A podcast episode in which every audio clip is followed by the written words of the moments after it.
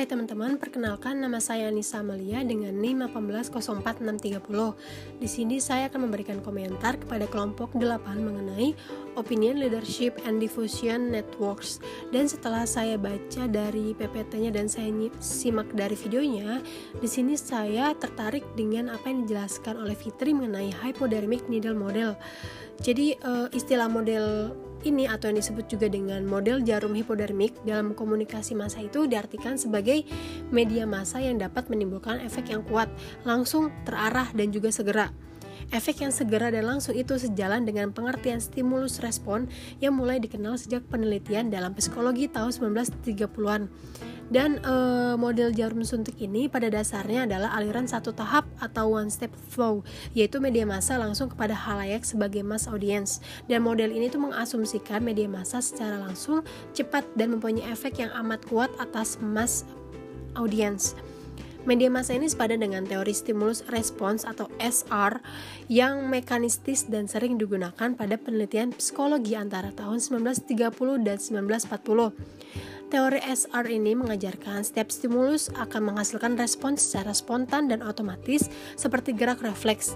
Seperti contohnya adalah bila tangan kita terkena percikan air, maka secara spontan, otomatis, dan refleks kita akan menyentakan tangan kita sebagai tanggapan yang berupa gerakan menghindar. Tanggapan di dalam contoh tersebut sangat mekanistis dan otomatis tanpa menunggu perintah dari otak.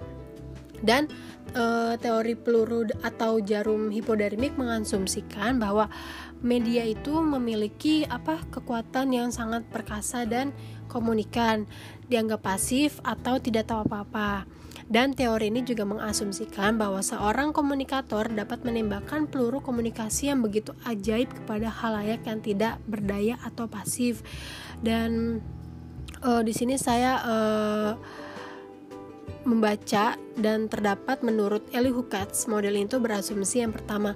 Media massa itu sangat ampuh dan mampu memasukkan ide-ide pada benak komunikan yang tak berdaya. Lalu yang kedua adalah halayak yang tersebar diikat oleh media massa. Tetapi di antara halayak tidak saling berhubungan.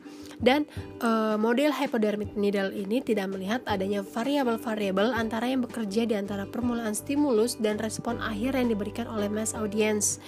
Gitu dan di sini saya ingin uh, memberi pertanyaan kepada Rizky Azharianto mengenai uh, mengenai homopili heteropili dan berdasarkan artikel yang saya baca itu adalah uh, jaringan difusi interpersonal itu kebanyakan homopili. Nah, sebutkan contoh dari